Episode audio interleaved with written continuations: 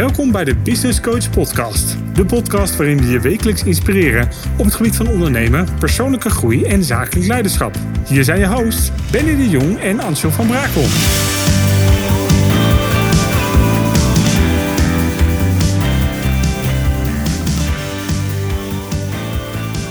Superleuk dat je weer luistert. Vandaag is bij ons de gast Janine van Vliet van Koken met Cijfers. Haar missie: alle MKB-ondernemers in Nederland financieel gezond krijgen.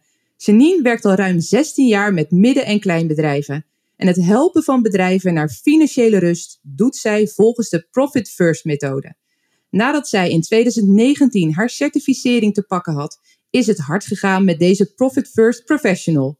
In 2021 won zij de Ambassador of the Year Award en in 2022 Member of the Year en Firm of the Year. Typisch Janine, niet wachten, maar nu in actie komen. Welkom Janine. Dank jullie wel. Wat een fantastische, fantastische introductie zeg. Een lekker begin van de maandagochtend, toch? Ja, zeker, absoluut. We gaan het vandaag over van alles hebben. Uh, maar voordat ik al mijn vragen op jou ga afvuren, en Benny natuurlijk ook. Ik vind het ook heel leuk, Benny, dat jij er bent deze ochtend. Zeker weten. Zeker weten. En dat we het met z'n drieën mogen doen. Zeker. Um, wilde ik even een kleine introductie nog doen, naast deze introductie, Janine, over jouw loopbaan. Um, want jij bent begonnen met HBO Hooghotelschool. Klopt. Ik las ook, jij hebt een passie voor lekker eten. Absoluut. Uh, bedrijfswetenschappen heb je gestudeerd. Ja. En neem me even mee, neem ons even mee vanaf dat moment. Uh, nou, ik was afgestudeerd uh, master in bedrijfswetenschappen met als specialisatie financiële externe verslaggeving. -hmm. um, en op dat moment was ik klaar en toen dacht ik van, ja, daar wil ik graag wel iets mee. Dus toen ben ik beland bij het ministerie van Onderwijs. Omdat ik zoiets had van, ik wil eigenlijk nog wel graag door gaan leren.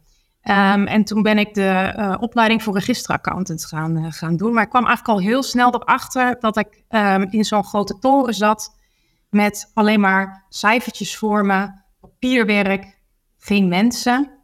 Uh, dat dat iets was wat niet heel erg bij me paste.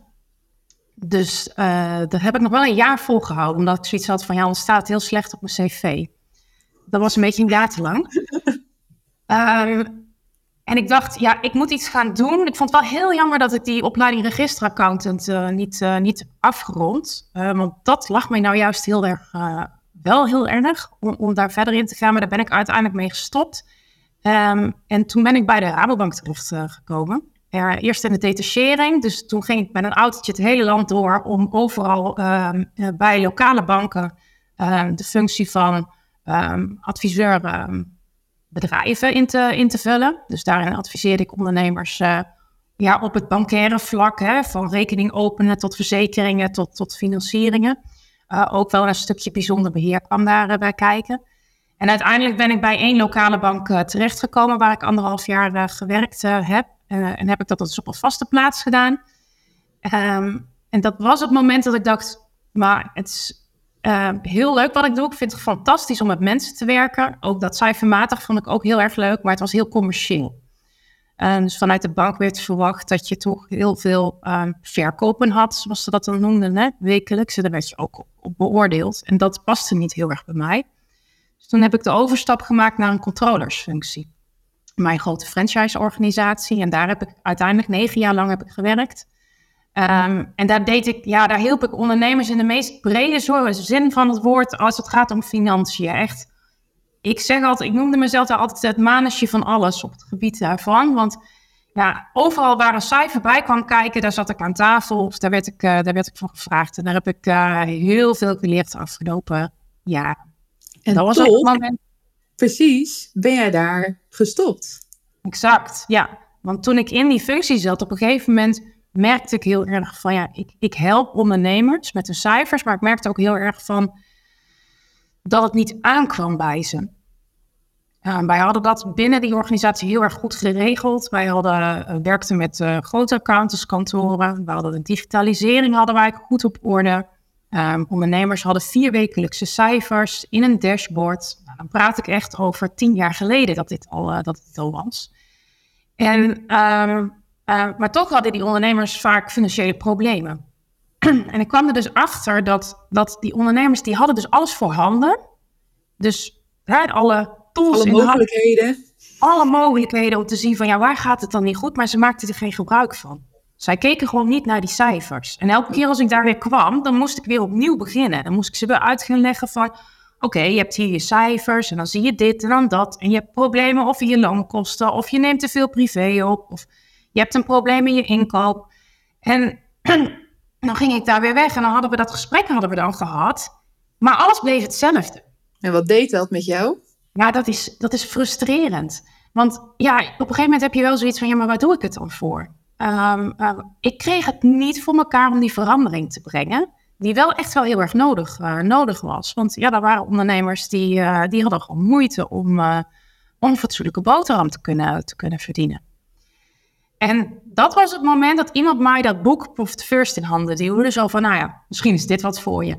Ga het maar lezen.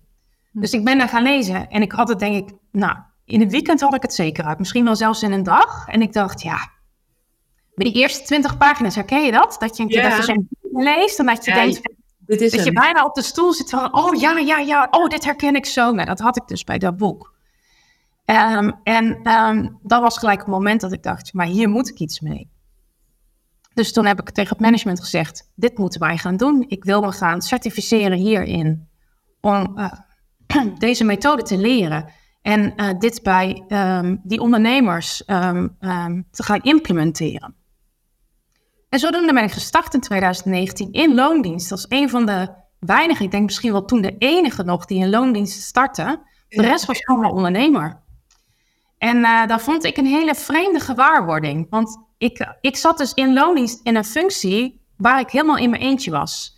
Dus ik had niemand om mij heen met wie ik kon sparren. En in één keer kwam ik binnen een groep met uh, nou, ik denk 70 of 80 financials, die allemaal hetzelfde doel hadden en die allemaal ondernemer waren. En heel eerlijk, daar schrok ik een beetje van, want ik dacht, oh, echt waar? Uh, ondernemers, kan dat ook? Ik had er nooit bij nagedacht dat ik, dat ik ook iets in, als ondernemer kon gaan doen. Ik, ik kwam uit een loondienstsituatie en ik hielp wel ondernemers, maar nooit, nooit erover nagedacht van, goh, dit zou ik ook wel eens voor mezelf kunnen gaan doen. Tot dat, tot dat moment. Tot dat moment. Maar wat was dan dat setje waardoor je dat bent gaan doen? Want dat is natuurlijk een grote stap om te maken. Zeker, ja, absoluut een grote stap.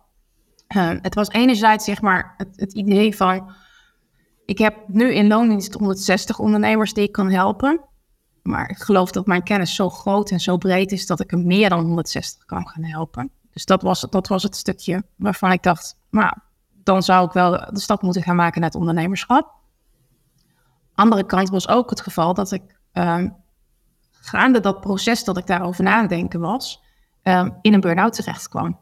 En um, uh, best wel een zware burn-out ook. Dus ik kwam thuis te zitten en ik moest eerst, eerst daarvan gaan herstellen. Uh, en ik kwam toen op dat moment ook tot het besef dat ik dacht van ja, de manier waarop ik het nu doe, is niet meer de manier hoe ik het straks in de toekomst kan gaan, uh, gaan doen. Want als ik blijf doen wat ik deed, ja, dan weet ik één ding zeker, dan is het burn-out op burn-out op burn-out. Dus ik moest wel echt een, een switch in mijn leven ook gaan, uh, gaan maken. Uh, en eigenlijk grip en controle terugkrijgen over mijn leven, maar ook over mijn agenda. Um, en, en ja, dan past daar het ondernemerschap toch wel heel mooi in dat je dat allemaal zelf kan vormgeven en kan, uh, kan bepalen. Zeker. Dus dat kwam, uiteindelijk kwam dat zo mooi bij elkaar, uh, bij elkaar samen om, uh, om, nou ja, nu precies drie jaar geleden om te gaan starten als, als ondernemer. Ja, dus vanuit die wens om meer impact te kunnen gaan maken, je zag wat er gebeurde. Je ervaarde de frustratie van, jongens, jullie hebben alle tools. Uh, en toch verandert het niet. Toen kreeg jij zelf nog meer tools, eigenlijk door jouw certificering uh, als Profit First Professional. Persoonlijke impact. Je merkte van, hè, om, om die impact te kunnen maken bij de ander, zal er bij mij ook wat moeten gaan gebeuren. Ja. En in 2020 is toen de stap gekomen. Ja. En toen heb jij ingeschreven bij de Kamer van Koophandel. Ja, Zeker, ja. Ja, ik zeg altijd ook tegen ondernemers, er zijn een paar momenten in je ondernemerscarrière die toch heel bijzonder zijn. En inschrijvingen bij de Kamer van Koophandel vind ik er wel eentje van. Uh, dus dat vond ik een heel bijzonder moment, een nieuwe stap in mijn leven.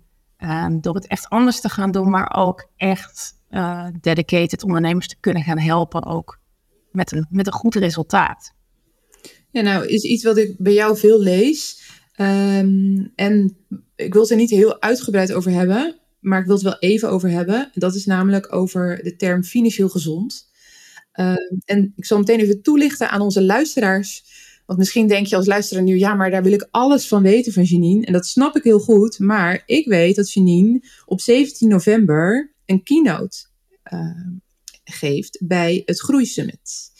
En ja, dat kunnen we natuurlijk moeilijk nu, Janine, we kunnen natuurlijk moeilijk nu je hele keynote gaan doen. Nee, dat is toch heel erg zonde. Dus ja, ik zou zeggen, ondernemers, kom naar het Business Summit. Want uh, ja, ik ga daar niet alleen spreken, maar er zijn heel veel andere mooie sprekers die ook komen. Dus ik denk dat er voor elke ondernemer wel iets in zit waar je die dag van kan gaan leren. Ik denk het ook, maar toch wil ik als, nou ja, om in jouw termen te blijven, als amuse.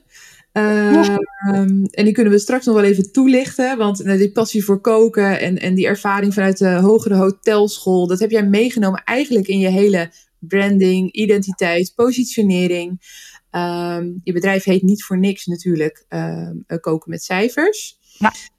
Um, maar nou ja, gooi die amuse wat betreft wat is financieel gezond maar even onze kant op. Nou, financieel gezond, dat is eigenlijk een, een bedrijf is financieel gezond als die meerdere maanden kan overleven zonder dat daar geld voor binnenkomt. Dus wat wil dat eigenlijk zeggen? Is dat je als bedrijf zoveel geld op je bankrekening moet hebben staan, dat je voor een drie maanden, zeg even voor een MKB-bedrijf is dat drie maanden, dat je gewoon je rekeningen door kan blijven betalen. Dat je jezelf als ondernemer een salaris kan geven. Um, dat je een buffer achter de hand hebt, dat je belastingen kan betalen. Um, zonder dat er geld binnenkomt. En um, dat was heel erg abstract. Maar ja, toen kwam er een coronacrisis. En toen werd wel pijnlijk duidelijk hoe belangrijk het was dat die buffers aanwezig waren. Want in één keer, je merkte gewoon direct het moment dat de maatregelen kwamen, waren er heel veel bedrijven die direct in financiële problemen terechtkwamen. En dat heeft deze oorzaak dus te maken dat er te weinig bedrijven zijn die financieel gezond zijn. Um, op het moment dat je financieel gezond bent, nou, je slaapt allereerst een stuk rustiger. Um, maar je kunt ook veel makkelijker beslissingen nemen um, die je normaal gesproken niet zou nemen. je kunt makkelijker groeien. Uh, doordat je genoeg geld achter de hand hebt. Ik zeg altijd, met geld maak je geld. Um, waardoor je je bedrijf ook kan, uh, kan laten opschalen. Dus het, het hebben, een bedrijf financieel gezond laten zijn, vind ik cruciaal om goed te kunnen ondernemen. Ja, top, duidelijk. En het bepalen van drie maanden, wat zijn bijvoorbeeld handvaten om daarmee te gaan beginnen? Je noemde natuurlijk al wat zaken, belastingdienst, facturen. Of misschien moet ik het anders zeggen, wat zijn daarbij de valkuilen waar je in kan vallen? Valkuilen die er zijn om niet financieel gezond te zijn, is um, nou, met name dat um, ondernemers um, niet genoeg financieel onderlegd zijn, waardoor ze eigenlijk niet weten waar ze naar moeten kijken. En dat was ook het probleem wat ik dus eerder had, dat ondernemers te weinig naar hun cijfers kijken. En wat er dan gebeurt, is dat ze dan alles op gevoel gaan doen. En dat is een grote valkuil, alles op gevoel doen. Want als jij uh, iets op gevoel doet, dan heb je toch ergens een handvat nodig om op gevoel een beslissing te kunnen nemen. En als je dan niet naar je cijfers kijkt, dan, de meeste ondernemers kijken dan naar hun bankrekening. En uh, dat vind ik heel fijn, want ik help ondernemers dus door naar die bankrekening te kijken.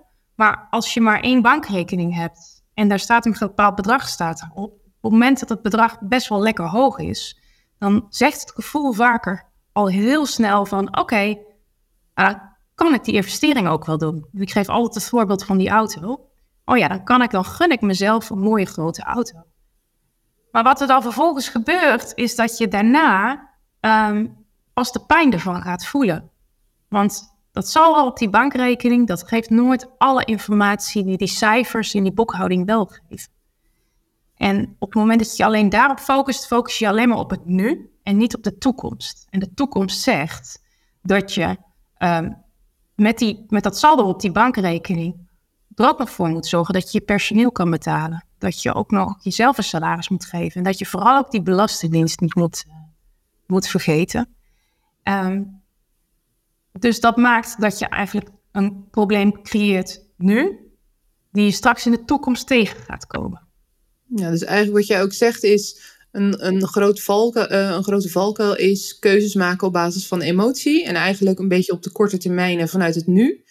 Uh, in plaats van je keuzes baseren op, uh, op cijfers. en vanuit daar eigenlijk je koers bepalen um, en de acties inplannen. Ja, en een andere grote valkuil is dat ondernemers um, geld gebruiken wat niet van hen is, maar daar wel mee gaan ondernemen. Dus die handelen en wandelen zich maar met het geld van een ander. En ik ken bijna geen enkele ondernemer die dit niet doet, um, die dus het geld gebruikt wat bedoeld is voor de Belastingdienst. Um, hoe zeg ik dat? Ik, volgens mij zeg ik het nou verkeerd. Um, dus dat ze het geld van de Belastingdienst gebruiken voor een eigen bedrijf. Om dat concreet te maken, je hebt, met BTW heb je te maken. Mm -hmm. dat is geld wat je ontvangt, vaak van consumenten of van andere bedrijven. Dat moet je afdragen aan de Belastingdienst. Maar er zijn heel veel ondernemers die dat geld gebruiken om vervolgens weer andere facturen mee te betalen. Of om, hun salaris, om het salaris mee te betalen of het personeel. Uh, en wat er dan gebeurt is dat ze achter de feiten aan gaan lopen. Ja, dus dan komt die blauwe envelop. Ja. En dan ligt het niet apart. Nee. Want nee. er is geschoven. Er is geschoven, inderdaad. Ja. ja. En dat is heel menselijk, want ja, je kijkt alleen maar naar die bankrekening. Daar staat één zak met geld staat erop. En die bankrekening die zegt niet dat jij nog gedeeld apart moet zetten. Wat er dan vervolgens gebeurt is dat um, alles wat ik nu vertel, dat gaat in die hoofden van die ondernemers zitten. Oh, ik moet er nog voor zorgen dat ik die blauwe envelop betaal. Oh, ik moet mezelf nog een salaris geven. Ja, de lonen moeten er nog uit. Dat soort beslissingen, op het moment dat je mhm. alles met gevoel doet, gaat het in je hoofd zitten. En um, dan gaat er op een gegeven moment gewoon niet meer uit. Waardoor je gewoon continu als ondernemer bezig bent. Achter de feiten aan. Achter de feiten aan, maar ook met die beslissingen die je nog in je hoofd moet nemen. En dat maakt dat je dan op een gegeven moment, als het niet meer goed gaat, of die bankrekening die slinkt gigantisch, dat je gewoon blokkeert als ondernemer en dat je niet meer weet van oké, en wat dan nu? Um, en dan krijg je slapeloze nachten. Uh, uh, maar ook de creativiteit die je nodig hebt als ondernemer, hè, om creatief te ondernemen. Nee, is niet meer. Je taakbalk zit vol met zorgen. Die zit er gewoon niet meer. Nee, nee. Dus, dus dat, dat is ja, um, uh, het, het doen op gevoel is een enorme valkuil. Maar ik leer juist die ondernemers om wel bij hun gevoel te blijven. Want ik kwam erachter dat ik had dus jarenlang al die ondernemers geprobeerd die cijfers te leren lezen. Maar dat werkte niet. Want dat, dat gingen ze niet doen. En, en nu snap ik ook dat het best wel logisch is om te doen. Want ja, ik ben naar school gegaan. Ik heb bedrijfskunde gestudeerd. Ik ben afgestudeerd uh, in het financiële. Ik snap wel wat daar staat. Maar kun je van een ondernemer verwachten die niet zo'n vooropleiding heeft gedaan, dat hij ook helemaal begrijpt wat er in die 30 pagina's jaarverslag staat? Nou, ik vind eigenlijk van niet. Ja, en ik, misschien is het ook wel dat je uh, buiten in dat, dat stukje, um, dat het ook leuk wordt en interessant wordt op het moment dat je voelt wat het je brengt. Exact. Dus op het moment dat je merkt van, hé, hey, um, ik heb nu iets in de handen waar ik de grip en de controle op heb Um, ik kan nog blijven ondernemen op, op gevoel. Ja, maar ik zie dat het beter wordt. Ja. Dan worden die cijfers leuk. Want dan ga je de bevestiging uiteindelijk zien in die cijfers. En dat is het ook wel een beetje, dat een boekhouding is altijd achteraf. Dus je neemt eerst de beslissingen en dan het vervolg. Het gevolg van die beslissing, dat komt in de boekhouding terecht. En uiteindelijk komt dat in je jaarcijfers terecht. Maar dan ben je al zo'n tijd weer verder. Um, je wilt eigenlijk nu weten, op het moment dat je die beslissing neemt, kan ik dat, kan ik dat gefundeerd doen, ja of nee? En wat natuurlijk op jouw pad is gekomen, niet voor niks, is dat boek. Hè? Je zei, ik, ik, sloeg hem open en ik wist het. Je, alsof je leest wat je altijd al wist en waar je naar zocht. Het was in één keer die aan alle kanten dat je dacht, klik, dit is hem. Kan jij uh, aan ons uitleggen voor degenen die niet bekend zijn met de term profit first? En nou weet ik dat jij heel goed bent in Jippie Janneke taal, want dat, nou ja, dat zie ik ook overal altijd terug. Dat je zegt, ik wil het begrijpelijk maken, ik wil het uh, logisch hebben voor mensen. Uh, kan je aan ons uitleggen, wat is nou Profit First? Nou, Profit First is een geldmanagement systeem En dat blijft heel erg dicht bij het gevoel wat die ondernemer dus doet. Hè? Dus op basis van gevoel beslissingen nemen. Wat je doet, is dat je bepaalde geldstromen in je bedrijf, en dat zijn de geldstromen, opbouwen van een buffer, een eigen salaris voor jezelf als ondernemer, de belastingen en de kosten, dat je uh, die geldstromen echt fysiek aan gaat brengen in verschillende bankrekeningen. Dus je kijkt zeg maar naar het geld wat er in mijn geval bij mijn klanten elke week binnenkomt op hun uh, bankrekening. En die geld, dat geld ga je verdelen tussen die verschillende potjes. Uh, dat doen we aan de hand van percentages. Sturen we zeg maar dat geld naar die verschillende potjes toe. En op het moment dat het daarin staat, dan ga je daar pas beslissingen over nemen.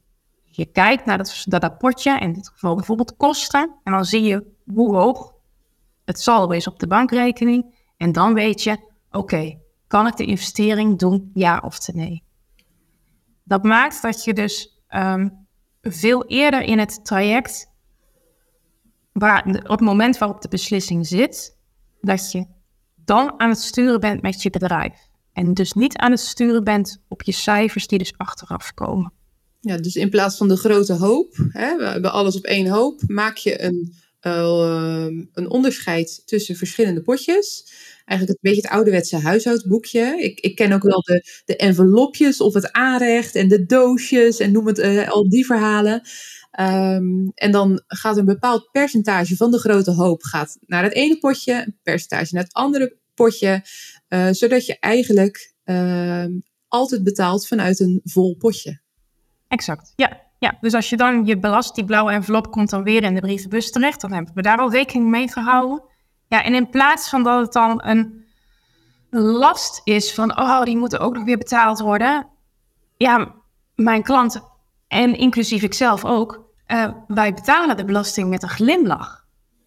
En dat komt omdat het gewoon al staat. Je hoeft daar niet meer over na te denken, maar het, het, ja, het is ook geen belemmering voor de rest van je bedrijf. Omdat dat heb je al, dat heb je al apart gezet. Dat geeft zoveel rust. Ja. ja, dat kan ik me goed voorstellen. En ik denk dat het ook een bepaalde, uh, niet alleen rust, maar ik kan me voorstellen dat het ook een trots gevoel geeft. Dat je, je het gevoel hebt, ik sta aan het roer van mijn onderneming. En dat heb ik goed gedaan weer dit kwartaal ja, of deze maand. Ja, en dat vieren we ook. Hè? Dus we vieren ook elk kwartaal vieren we dat ook met een winstuitkering. Uh, die je mag doen vanuit dat bufferpotje. Um, uh, waarvan het de bedoeling is, is dat je van een x percentage iets gaat doen om te vieren dat je dit gerealiseerd hebt. Ja, mooi. Dat betekent niet dat je het geld zeg maar, bij de boodschappen moet gaan uh, neerzetten. Even snel. Uh... Anders van, van doet. Nou, ik ben nu drie jaar ondernemer. Ik heb echt nu een rits aan bijzondere herinneringen die ik heb kunnen doen. Omdat, ik, omdat ik ondernemer ben. En ook trots erop ben dat ik dat. En noem eens jouw hoogtepunt daarin. Wat was voor jou echt dat je zegt, oh, dat vier momentje. Oeh, er zijn er best wel veel inmiddels na drie jaar al. Maar Heel het goed. Eerste, het eerste, eerste moment vind ik het nog steeds het meest bijzondere, want je start het eerste kwartaal en, en ik zeg altijd, um, elk bedrijf moet vanaf dag één winstgevend zijn. Dus dat betekent ook dat je vanaf dag één een winstuitkering kan geven. En ik kocht met het eerste stukje winstuitkering, kocht ik een kettingje uh, van een uh, goede vriendin van mij die die zelf gemaakt heeft. Mooi. Als, uh, als herinnering aan um, dat ik mijn bedrijf gestart ben.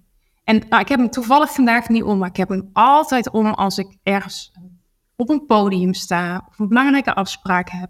Om mezelf eraan te herinneren van, ja, dit is de reden waarom je het ondernemerschap begonnen bent. Hey, ik zal er een van, van mij delen, want hij, uh, Profit First is mij zeer bekend. Ja. Um, en ik heb van mijn eerste winstuitkering heb ik uh, uh, dit horloge gekocht. Mooi. Uh, en dat, dat was een horloge wat, nou ja, ik ben altijd een beetje praktisch. Hè, want het moet goed zijn en uh, functioneel en niet al die toeters en bellen. En dit was toch wel een horloge wat, nou ja, wel wat meer toeters en bellen had. Maar wat ik wel eigenlijk stiekem heel, heel graag wilde hebben. Um, en wat ik nu een, uh, een aantal jaar heb en echt dagelijks zoveel plezier van heb. met zoveel liefde altijd draag. maar die had ik mezelf niet gegund als die niet uit mijn winstpotje was gekomen. Ja, precies. Want dat is de vraag die ik je wilde stellen. Had je hem ook gekocht als je gewoon... Zeker niet. Nee. Nee, zeker niet. Wellicht had ik hem dan op een verjaardag, hè, had, ik hem, al- had ik hem op mijn wensenlijstje gezet. Maar dat was niet iets geweest, want er is als ondernemer natuurlijk altijd wel iets anders. Dat je denkt, goh, hè, daar kan je het ook aan besteden. En het hoeft niet altijd iets voor jezelf te zijn. Hè? Kijk, wij zijn ZZP'ers, dus, dus wij zijn ons bedrijf. Ehm, ik werk veel met MKB'ers, die zitten in BV-constructies. Ja, dan kan je dit soort dingen niet heel makkelijk doen. Maar dan, dan zeg ik altijd van, ja, ga dan iets doen Met Eh, elkaar. ook met elkaar, om er trots uit te dragen. Dus van mijn klanten zijn er ook echt, ja, van dat potje zijn ehm, mooie investeringen gedaan in, eh, in, in, eh, in nieuwe producten. Maar, maar ook ehm, feestjes georganiseerd eh, met het hele personeel en aanhang en alles erop en eraan. ja, fantastisch. Uh, dat zijn mooie herinneringen. Die had je misschien zelf ook wel gedaan. Of nou, misschien niet omdat de tijd er niet helemaal voor was. Maar nu, nu sta je er echt bewust bij stil dat je dit soort dingen mag, eh, mag doen. Ja. ja, en vergeet de vakanties ook niet, die veel van mijn klanten ook maken. Want Ja. financiële rust betekent ook dat je ook goed voor jezelf moet zorgen. Uh, en daar hoort uh, ook af en toe bij dat je even weer uh, die rust terug kan pakken. En ik heb ook klanten waar die jaren bijvoorbeeld niet op vakantie zijn geweest. En zich dat nu zeg maar wel gunnen. Ja. Ja, Nee, ik, ga ik, ik, straal daarvan als, als ja, ik ondernemer. zie het ook aan je. Als ik, als ik, als ik ondernemer, klanten op die manier kan helpen. Dus het, je merkt, het hoeft niet eens met grote dingen te zijn. Hè? Uh, uh, dat je jezelf iets enorm groots moet veroorloven. Dat hoeft helemaal niet. Geluk zit hem vaak in de kleine dingen. In een, in een kettingje, in een ervaring of een herinnering. Ja. Uh, die zijn veel belangrijker. Ja, eens. En ook daarbij, alles is natuurlijk in verhoudingen. Uh, want ik geef aan van hè, best wel flink horloge. Maar de kans is best groot dat voor een ander, die vindt ja. dat helemaal niet zo'n groot bedrag voor, uh, voor hetzelfde. Dus ik denk inderdaad dat de gevoelswaarde erachter, uh, dat dat eigenlijk het, aller, het allergrootste is. Ja. Ja, en uiteindelijk, ik pas mij aan aan wat de wensen van de klant zijn. Hè? Want, want ja, we stappen heel makkelijk over um, dat uh, het verdelen in potjes. Maar uiteindelijk om daar te komen, je, je begint altijd met dromen en doelen van ondernemers wat ze willen re realiseren. En dat ga je uiteindelijk vertalen. Dit vloeit er dan vervolgens uh, in uit. Ja, nou heb ik voor jou een aantal zinnetjes en die mag je afmaken.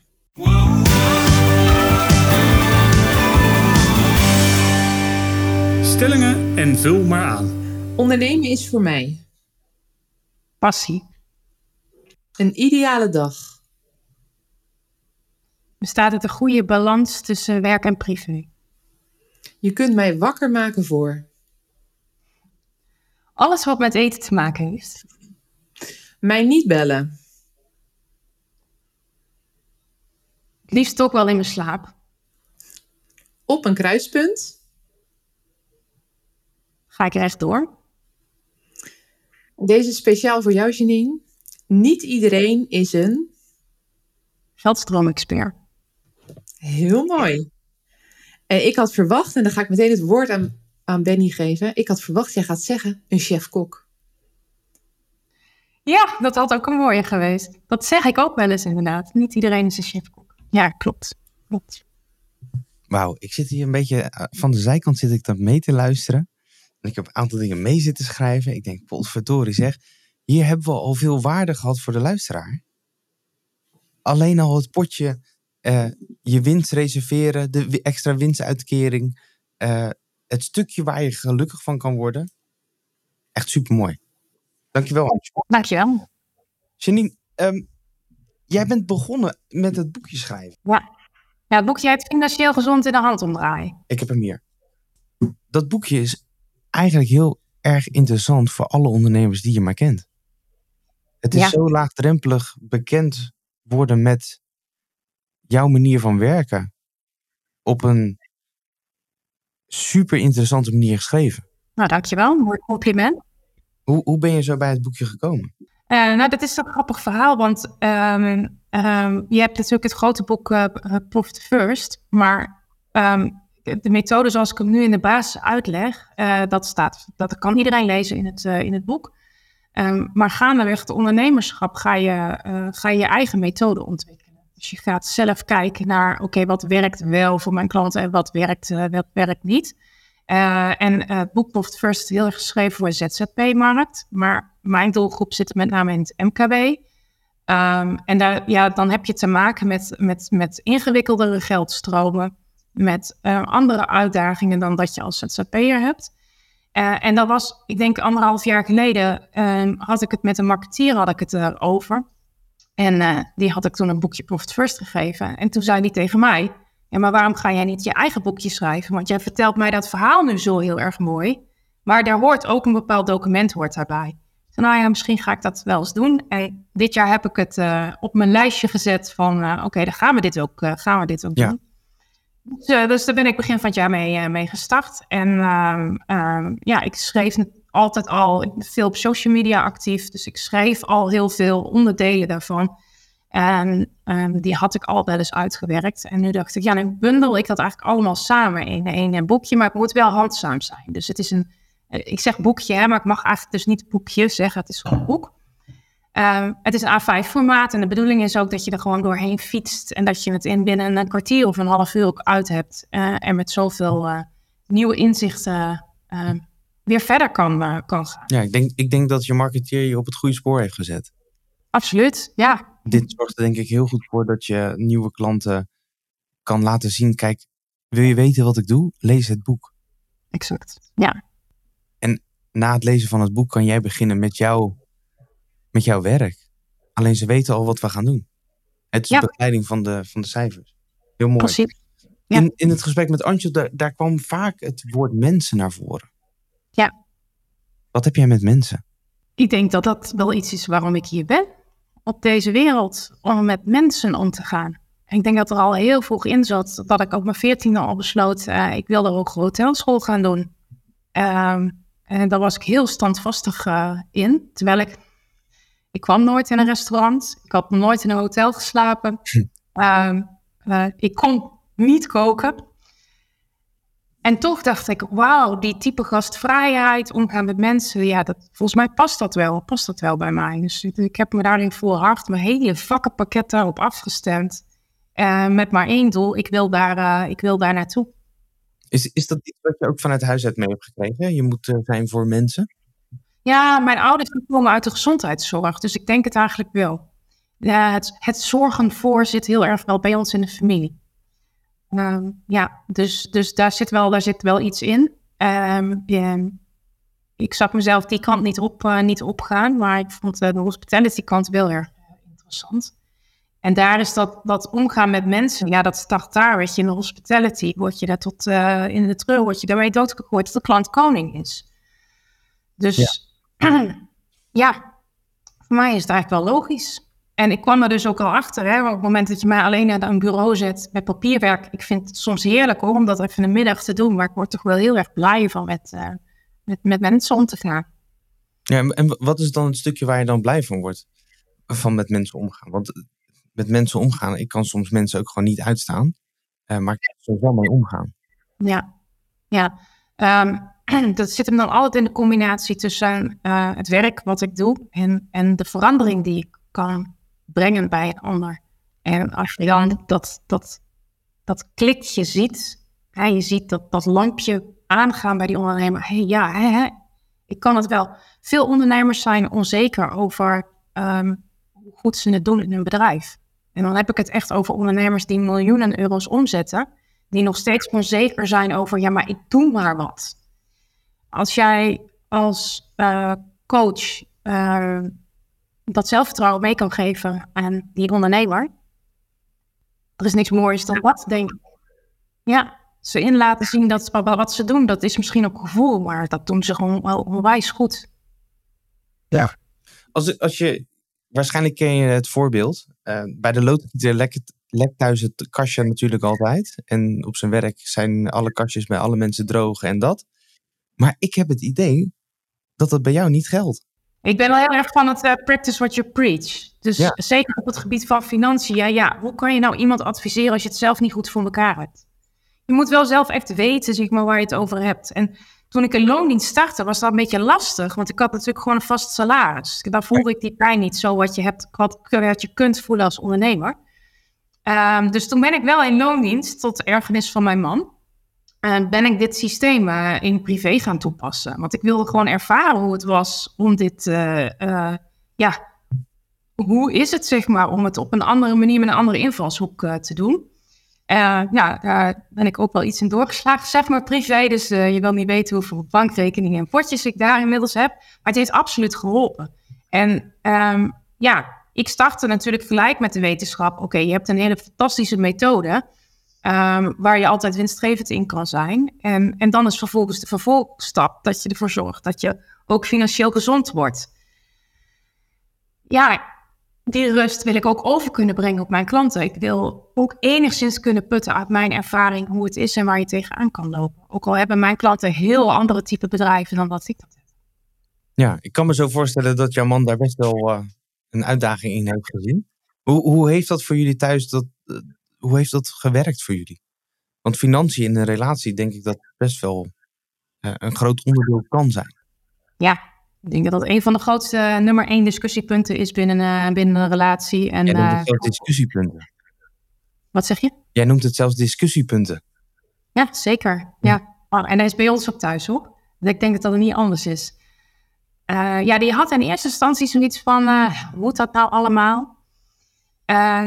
Tot, en dan hebben we het weer over dat klikje, totdat je daar um, het resultaat van gaat zien. En je merkt van, hé, hey, maar, maar we hebben nog nooit zoveel geld overgehouden als toen we dat niet deden. Ja. En dan wordt het interessant. En inmiddels, en dat vind ik dan dus heel erg leuk, zijn we dus stappen verder gaan zetten om te kijken, oké, en wat kunnen we dan doen met vermogen? En, en ik ben degene die, die zoiets heeft van, nou, ik vind het heel interessant, maar ik heb ook een bedrijf hij is zich nu gaan verdiepen in wat kunnen we doen om vermogen op te bouwen. Dus we zijn gestart met beleggen bijvoorbeeld. Dat doet hij allemaal. En hij heeft geen financiële achtergrond. Wat leuk. Dus, dus zo enthousiast is hij er inmiddels over, uh, over geworden. En dan wordt het ook een leuk, in plaats van een pijnpunt, wordt het een leuk onderdeel van je relatie ook. Om, om samen te kijken van, hé, hey, wat kun je met elkaar voor elkaar krijgen. Hoe, uh, hoe, hoe open je dat gesprek in, in je relatie? Want ik kan me voorstellen dat er best wel wat luisteraars zijn die of financieel een uitdaging hebben en dat eigenlijk niet met een partner kunnen bespreken, omdat de partner niet weet waar het over gaat. Ja. Hoe, hoe, hoe, hoe heb jij dat gedaan? Want jij bent natuurlijk financieel expert uh, en jouw man misschien iets minder. Ja, en bedoel je het dan zeg maar voor privé of bedoel je het voor het bedrijf? Nou, ik denk voor beide. Ik kan me voorstellen dat bij heel veel ondernemers de, de financiën, privé, zakelijk, vaak door elkaar heen lopen. En eigenlijk misschien soms wel eens een rommeltje is. Ja, ja. Nou, zakelijk gezien neem ik mijn man gewoon regelmatig mee in wat er gebeurt. Um, belangrijke investeringen die ik uh, wil gaan doen, die beslis ik wel zelf. Maar ik bespreek alles met hem. Uh, ja, ik vind, dat, ik vind het belangrijk om iemand erbij te betrekken en ook te laten zien. Dus ik, af en toe laat ik hem ook zien, kijk, dit staat er nu op mijn bankrekening. En schrikt hij dan? Nee, ik denk, ik denk eerder aan een, een vorm van trots. Van heel wat knap wat je voor elkaar hebt gekregen. Omdat hij mij natuurlijk kent vanuit de situatie dat ik in een burn-out zit. Dus het ja. is wel van niks naar iets uh, verfijn.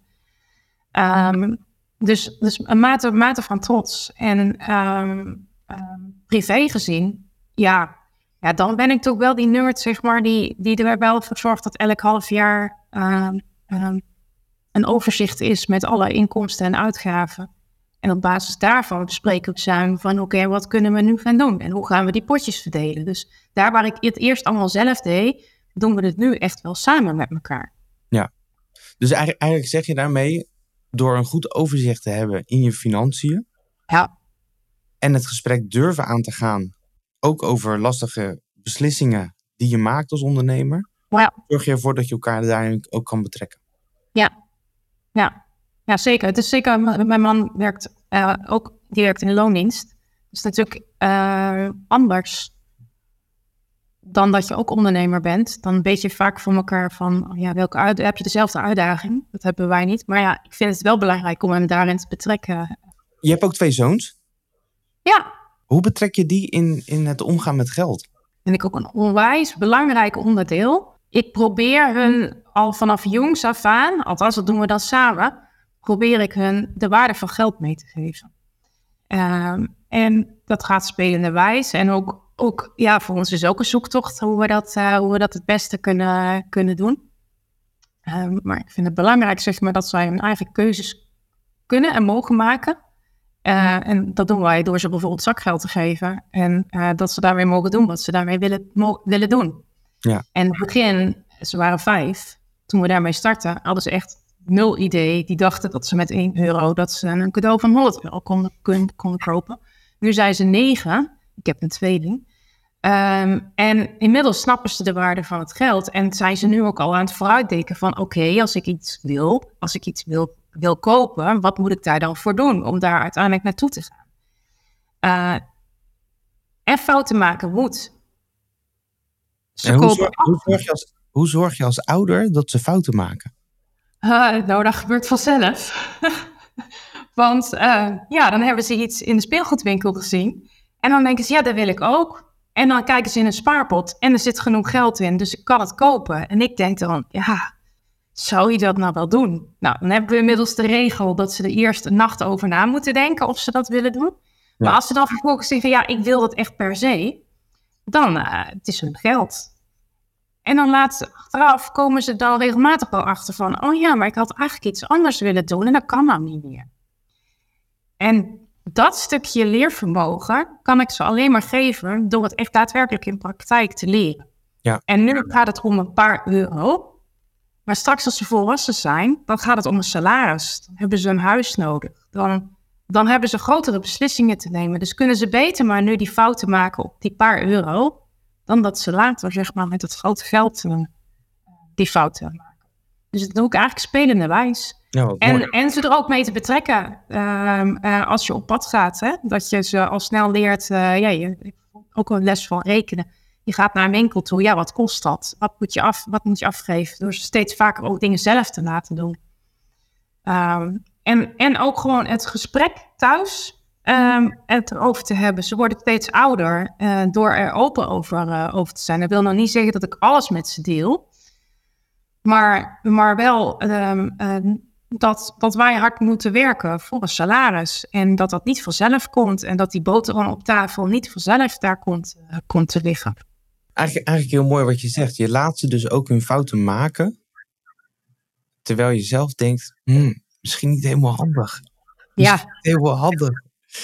Lijkt me als ouder best wel frustrerend dat je dan denkt, gloeiende, gloeiende, gloeiende. Ja, ja, en ik heb natuurlijk een tweeling en die zijn allebei echt totaal verschillend van elkaar. Waarbij ze, dat zeggen ze zelf ook, hè, ik leg meer op mama, dat is dan dus de spaarder. En de ander lijkt meer op papa en dat is de uitgever. Ja, we hebben wel eens op een eh, kermis gestaan en dan kregen ze 5 euro. En dan mag je zelf weten wat je doet. En de een die heeft het binnen een kwartier in een automaat gegooid en het is weg. En de ander zegt, nee, dat vind ik zonde, ik neem het mee naar huis. Ja. Ja, en, dat, dat, en er is geen goed en geen fouten. Nee. Nee, supermooi. Ik heb nog een, een, een, nog een ander ding wat ik graag met je wil bespreken. En dat is jouw visie, jouw mening over um, het terugbetalen van coronaschuld. Ja. Ik las namelijk van de week een LinkedIn-bericht van jou. Het was een reactiebericht. Ja. En daarin was je, ik, ik vond je reactie best stellig. Dat ik dacht, oké, okay, ja, duidelijk.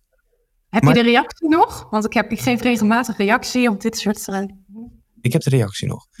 Um, jij reageerde op een uh, bericht van Robert Wol. Ja. Uh, er zijn 226.000 ondernemers hebben nog een coronaschuld bij de Belastingdienst, waarvan er nog 43.000 nog niks betaald hebben, volgens nu.nl. Ja. Het mooiste wat ik vond aan jouw reactie was, ze hebben een aflosplan nodig. Ja. Want elke euro winst die je extra gaat maken, moet je inkomstenbelasting over betalen. Uh, leg eens uit. Ja. ja, dit is de grote problematiek van de coronaschulden. Uh, uh, nou, wat heeft de overheid gedaan tijdens corona? Die hebben gezegd tegen ondernemers van, joh, we helpen jullie. En je hoeft, je hoeft eventjes, je mag de loonbelasting en de btw mag je uitstellen. Er zijn nog heel veel andere regelingen, maar dit, met name deze discussie gaat hier over. Dus ondernemers die hebben een tijd lang hoefden ze dus niet de btw af te dragen en de loonbelasting. Wat in de basis natuurlijk eigenlijk, ja, dat was toen al dat ik dacht, oh, dat is niet handig belastingdienst dat je dat doet. Want hadden we nou dat potje gehad, waar die belastingen in gezet hadden, hadden die ondernemers dat gewoon kunnen betalen. Want uiteindelijk, de BTW betaal je over je inkomsten wat er binnenkomt. Dus had je dat goed weggezet, dan, dan had je hier de problematiek niet over gehad. Waar het om gaat, is dat er gewoon te weinig binnenkwam en dat die ondernemers wel hun kosten hadden door laten lopen. De Belastingdienst heeft toen direct gezegd van oké, maar dit is geen gift, het is een lening en je moet, of een uitgestelde betaling. En je moet het ooit op een x-moment moet je het weer terug gaan betalen. Nou zijn er heel veel ondernemers die, die gezegd hebben van ja, dat zal allemaal zo vaart wel niet lopen, want ja, de Belastingdienst kan toch bedenken dat we dat niet terug kunnen betalen. Dus, dus een heel deel van die ondernemers die, die, die hadden gedacht van nou, als we niks doen, dan wordt het wel kwijtgescholden uiteindelijk. Maar ja, dus één zekerheid, bij de Belastingdienst gaat niets de zon op, je moet het gewoon altijd betalen. Ehm, en dat is dus het geval. Vanaf 1 oktober 2022 moeten alle ondernemers met een coronaschuld hebben een terugbetalingsmogelijkheid van vijf jaar. Uh, en daar zijn dus een heleboel ondernemers die dat dus nog 0 euro hebben terugbetaald. Dus die helemaal niet, uh, geen contact hebben opgenomen met de Belastingdienst, die nog geen euro naar hun hebben overgeboekt. En eigenlijk een beetje de kop in het zand steken van nou, het zal wel duren. En daar ben ik vrij stellig over dat je dat dus nooit moet doen. Hè, dat is hetzelfde als dat als je in een financiële probleem zit, dat je gewoon je rekeningen maar niet, je enveloppen maar niet openmaakt. Dan weet je één ding zeker, het komt als een boemerang, komt het weer terug. Wat is de problematiek om het terug te betalen? Is dat um, je hebt een onderneming, het draaien winst. Nou, de definitie om winst te maken, dat is omzet minus kosten is winst. Nou, over die winst moet je belastingdienst betalen. Of inkomstenbelasting of vennootschapsbelasting. Dat ligt er een beetje aan of je een eenmanszaak bent, of een WOF, of dat je een BV bent. Um, nu komen die terugbetalingen van die corona komen erbij. En um, dat moet van diezelfde winst moet dat betaald worden. Dus stel jouw winst is 50.000 eh, euro en jij moet um, ehm, 20.000 euro aan coronaschuld dat jaar terugbetalen, dan moet jij over die 50.000 euro moet jij belasting betalen. En daarvan zeg ik dus altijd van oké, je hebt dus geld verdiend. Dus je verdient in 2023 verdien je geld. Je verdient 1 euro, maar je moet er eigenlijk 2 uitgeven, omdat je en belasting moet betalen over het lopende jaar en je moet die coronaschuld terugbetalen. Wat gebeurt er dan? Of er zijn ondernemers die redden dat gewoon niet. Want het is gewoon, ja, je, als je maar 1 euro in je portemonnee hebt zitten, kan je het niet in één keer twee van maken. Dus die ondernemers die gaan weer zoeken naar al die andere potjes. Dus wat gebeurt er? Die leveranciers die staan langer open. Um, het probleem verschuift zich alleen maar naar een andere schuldeis. Ja, wordt nog meer uitgesteld.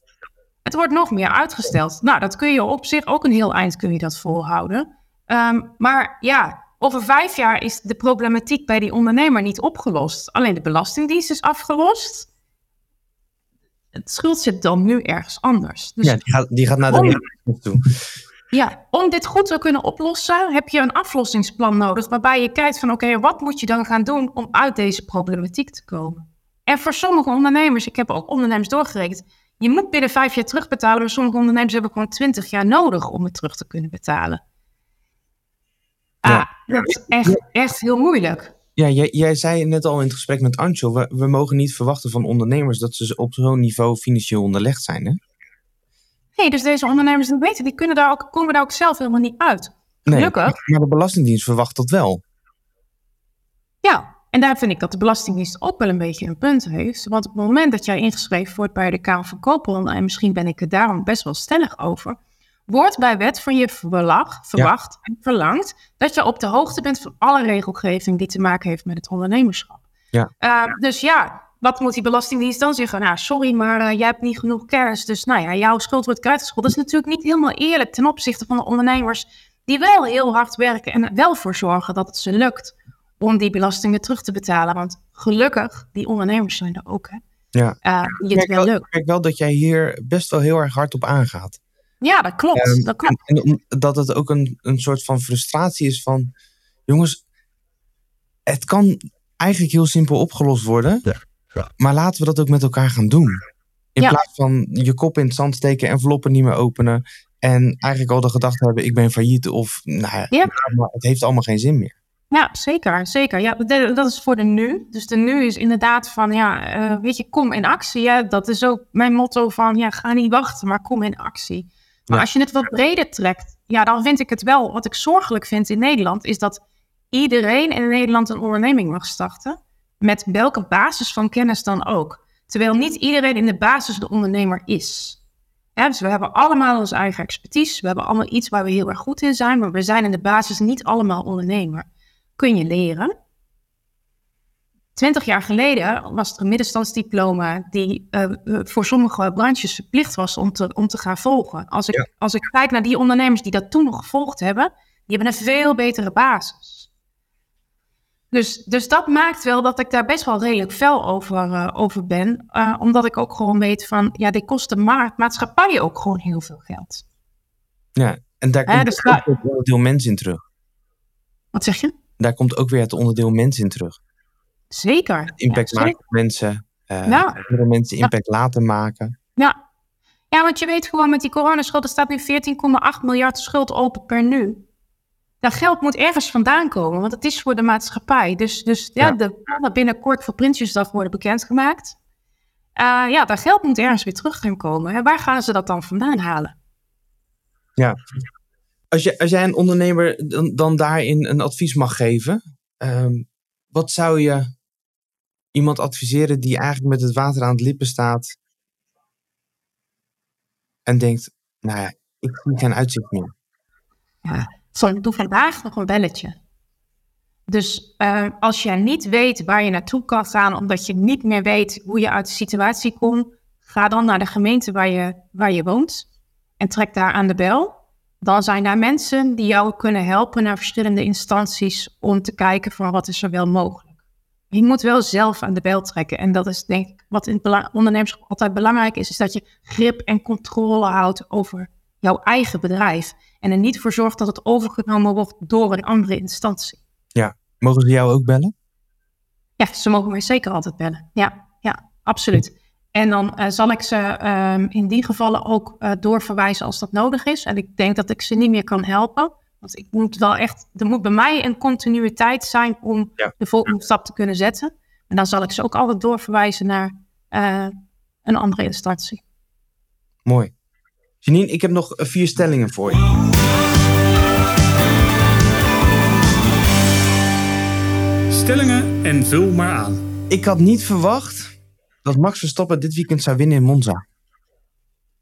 Ik had zeker verwacht dat Max Verstappen zou winnen in Monza. Oké, okay, oké. Okay. Um, je mag eens en oneens antwoorden. En je mag er later, na de stellingen, mag je nog op één terugkomen. Dat was ik vergeten te vertellen. Oh, ja, ik praat liever dan dat ik luister in gesprekken. Oneens. Ik zou pas een BV beginnen vanaf 150.000 euro winst. Oneens. Financieel gezond is niet alleen de kern van een goed bedrijf, maar ook de basis van een relatie. Eens. En de laatste stelling. Eigenlijk ben ik een business coach met een financiële achtergrond. Helemaal mee eens. Wauw. Wil je er nog op eentje terugkomen? Of verdiepen? Ja, ja die Max Verstappen, ja, dat, is ook wel een passie van mij, hè? Um, Formule 1. Ja. Uh, ja. Hoe, hoeveel ja. circuits ben je al geweest? Wat zeg je? Hoe, op hoeveel circuits ben je al geweest? Ja, dat is grappig. Nul.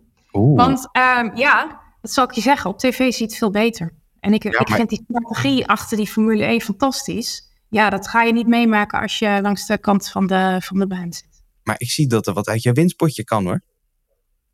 Oh, dat zeker, ja. Dat zeker. Ja, ja, maar of dat dan voor Formule 1 is, dat weet ik dan ook weer niet. Leuk, leuk. hey, Anjol. Ja? Jij hebt lekker mee zitten luisteren. Jazeker. Ja, ik heb nog een hele, hele andere vraag nog even voor Janine. En die sluit eigenlijk wel een beetje aan bij het, uh, het laatste over het stukje business coach. Uh, je hebt vast wel eens gehoord van het MKB Canvas. Zeker. Ja. We hebben natuurlijk een aantal cirkels. Oranje cirkel, we hebben groen van het leiderschap, oranje van de klantreis, blauw. We hebben natuurlijk van de organisatie. En hebben we met jou best wel wat gehad over blauw, over financiën, over mensen. Ehm, maar ik heb, eigenlijk ben ik heel erg benieuwd naar jouw visie op een onderdeel van de Oranje Cirkel, namelijk relatiebeheer. Oh, die is cruciaal. Ja, als ik, als ik naar mijn, uh, mijn eigen bedrijf kijk, dan uh, ik vind het ook, vind het ook geweldig. Hè? Om, uh, bij mij komen klanten en mij gaan op een gegeven moment ook weer. En dat wil ik ook graag. Hè? Dat ze zich maar zelf voldoende tools hebben om zelf aan de slag te kunnen gaan. En dan laat ik ze op een gegeven moment in liefde laat ik ze weer los. Maar ik vind het zo leuk om af en toe nog eens keer even een belletje te doen. Om gewoon te vragen van hoe gaat het met je? Even inzetten. Even intje, gewoon even weten, waar ben je nu op dit moment mee bezig? Uh, uh, ik vind mensen loslaten vind ik eigenlijk het moeilijkste wat er, uh, wat er is. Ook omdat ik ze zo graag volg in wat ze doen. Ehm, en dat is ook de reden waarom ik ze dan, eh, waarom ik ze dan bel. Gewoon even te vragen van, joh, hoe gaat het, eh, hoe gaat het met je? En dan nee van tien keer zeggen ze, ja, fantastisch, gaat hartstikke goed. Nou, perfect toch? Ja, top. Ja. Ja, Leuk. en ik denk dat ook de basis is voor je onderneming, zoals ondernemers zoals wat wij zijn, hè? Um, business coaches, um, in welk vlak dan ook, in de dienstensector. Um, het gaat er uiteindelijk om dat je, uh, dat je tevreden klanten hebt. En want dat zegt zichzelf wel weer door. En van tevreden klanten komen weer nieuwe tevreden klanten. Dus het is een belangrijk onderdeel van je, van je bedrijf die je echt niet moet vergeten. Hoorde jij dat ook, Antje? Topzin, toch, Benny? Antje, hoorde jij dat ook? Business ja, coaches? Gaan we, gaan we hem erin gooien? Want we hebben nog een spoiler hè, voor de luisteraar. Ja, ja, laten we hem erin gooien. Ja. Je, mag hem, je mag hem zelf gaan doen. Ik denk dat, ja, je mag hem zelf doen. Benny, jij hebt vast er wel een leuk geluidje bij zometeen. Zeker. Ja, toch? Dan ga ik Janine ga ik het woord geven. Een mooie spoiler. En daar gaan we hem ook dan zo mee afronden. Janine, ja, uh, het podium is voor jou. Ja, ik sluit mij per 1 eh, januari 2024 aan als uh, business partner bij Business Coach Nederland. En dat vinden wij heel erg leuk, Janine. Want dat ja. wisten wij niet voordat wij deze podcast gingen opnemen met jou. Dat kwam eigenlijk in het gesprek naar voren. Ja. Uh, dus ja, namens het hele team van Business Coach Nederland willen Benny en ik jou natuurlijk van harte welkom heten. Dankjewel. Onwijs veel zin om te gaan starten met jullie. Ja, lekker ja. Die, uh, die club met mensen om je heen, waar, nou, wat je ook heel duidelijk hebt laten horen, dat je daar heel erg van houdt. Het kunnen ja. sparren en het nog beter kunnen gaan helpen van, uh, van ondernemers. Niet alleen op financieel vlak, maar op alle vlakken. En uh, als mensen nou meer over je willen weten, Janine, waar kunnen ze jou vinden? Ze kunnen mij vinden via mijn website www.kokenmetcijfers.nl. Uh, als ze dat boekje aan willen schaffen, financieel gezond in de hand omdraaien, die staat erop. Dus die kunnen ze gelijk krijgen ze het, uh, krijgen ze het opgestuurd. En is het lezen waard? Het is, ja, dat, jullie geven aan dat het lezen waard is, hè? Ja. En, uh, en als een ondernemer ergens een vraag over heeft, die zit ergens mee. Ze mogen altijd een gesprek met mij inplannen. ik ga met elke ondernemer een winstgesprek aan, waarin ze in ieder geval twee uh, adviezen van mij krijgen, zodat ze direct weer, weer door kunnen. Um, dus ja. En social media, LinkedIn ben ik vooral heel erg actief, uh, actief op. En natuurlijk niet te vergeten, het Groeisummit 17 november. Daar zien we je natuurlijk ja. op het podium staan. Ja, ja. En waar ga jij het over hebben? Want ik ben keynote later pas inschakelen. Ja, nou, ik ben keynote spreker op het Business Summit uh, op 17 november. En mijn keynote gaat over financiële rust. Dus hoe je als ondernemer financiële rust kan gaan creëren. Super gaaf. Het, voor de luisteraar, de Groeisummit is het thema gezonde groei. Er zullen meerdere sprekers zijn. En op dit moment zijn er nog maar 149 early bird tickets beschikbaar. Bestel je ticket voor 1 oktober. En dan kan je Janine gewoon gaan zien. Gezellig, ik kijk er naar uit. Helemaal goed. Janine, dan gaan we jou heel erg bedanken voor al jouw tips, je mooie verhalen, je inzichten. En uh, nou ja, fantastisch dat je ook bij ons bij de, bij de club bent. Uh, ja, Benny, ik zou zeggen, rond jij hem af? Rond jij hem af? Oh, geweldig. Ik ga hem uh, later afronden, want ik merk dat mijn inspiratie volledig weg is. Helemaal goed. Janine, dankjewel. We vonden het super dat je er was. En jullie heel erg bedankt voor het luisteren en graag tot een volgende keer.